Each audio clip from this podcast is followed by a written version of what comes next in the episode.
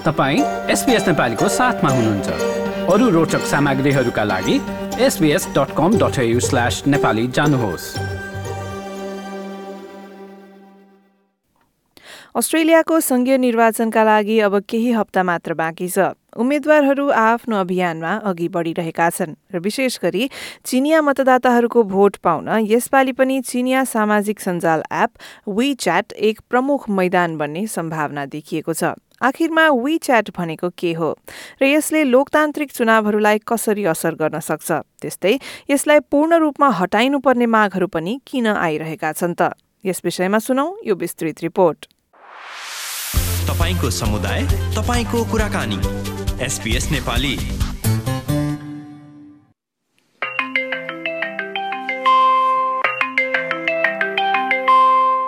यो रिङटोन विश्वभर करोडौं मानिसहरूले सुन्दै आएको आवाज हो।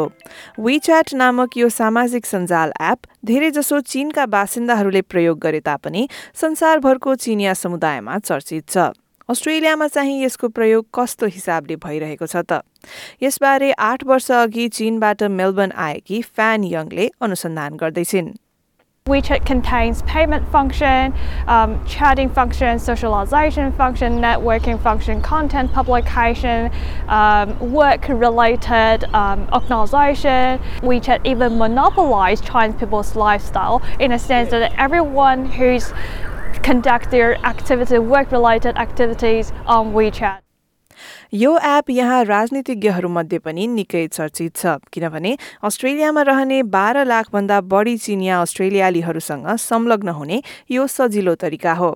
योभन्दा अगाडिको चुनावमा उम्मेद्वारहरूले आआफ्नो औपचारिक विच्याट अकाउन्ट बनाएर भिडियो र प्रत्यक्ष कार्यक्रमहरू गरेका थिए तर त्यसपछि गलत र झुटा जानकारीहरू निकै छिटो फैलिन थाले। लेबर दलले सबै शरणार्थीहरूलाई स्थायी बसोबासको अनुमति दिने जस्ता कुराहरूको हल्ला चल्न थाल्यो। अस्ट्रेलियन स्ट्राटेजिक पोलिसी इन्स्टिट्युटकी विश्लेषक डारिया इम्पियोमबाट बताउँछिन् कि गलत सूचनाहरू फैलने प्रमुख ठाउँहरू जस्तै फेसबुक र युट्युबले यसबाट विज्ञापन राजस्व पाउँछन् र यस्ता नक्कली समाचारहरू कति मात्रामा फैलिएका छन् र यिनका स्रोतहरू के हुन् भनेर पत्ता लगाउन गाह्रो रहेको उनी बताउँछिन्। WeChat is a hybrid app. Um, it has official accounts that can post on, on a feed, um, and they act a little bit like Facebook um, public pages. But then a lot of the conversation actually happens in private group chats um, that are really, really difficult to analyze. यस एपमा केही प्रयोगकर्ताहरूलाई sensor गरिएको अर्थात् app प्रयोग गर्नबाट वञ्चित गरिएको भनेर पनि आलोचना भइरहेको छ। विच्याटका अन्तर्राष्ट्रिय प्रयोगकर्ताहरूबीच सबै सामग्री निजी रहने एपको मूल कम्पनी टेन्सेन्टले बताउँदै आएको छ। तर सिटिजन ल्याब नामक एक क्यानाडेली एनालिटिक्स कम्पनीले गरेको अनुसन्धानबाट पत्ता लागेको छ कि चीन बाहिर रहेका प्रयोगकर्ताहरूमाथि पनि चीनको राजनीतिक निगरानी जारी छ।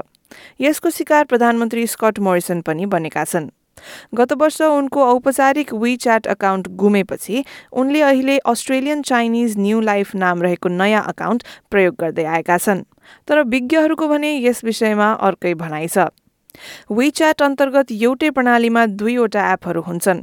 चीनका बासिन्दाहरूको लागि वेसिन र चीन बाहिरका लागि च्याट स्कट मोरिसनको औपचारिक अकाउन्ट वेसिनमा मात्र थियो जसको मद्दतले उनले आफ्ना फलोवरहरूलाई जति पनि सन्देश अर्थात् अलर्टहरू पठाउन मिल्थ्यो यस सन्दर्भमा फेरि डारिया इम्पियमबाट And it was owned by a man in China's Fujian province. That was always a risk that the Prime Minister's office was aware of.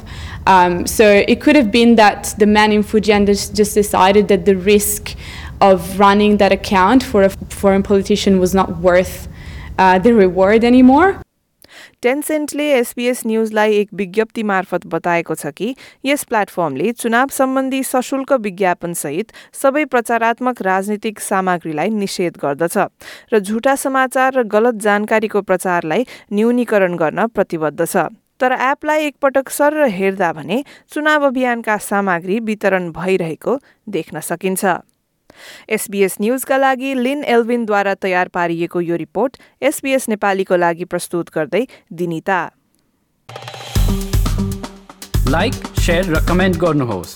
SBS नेपालीलाई फेसबुकमा साथ दिनुहोस्।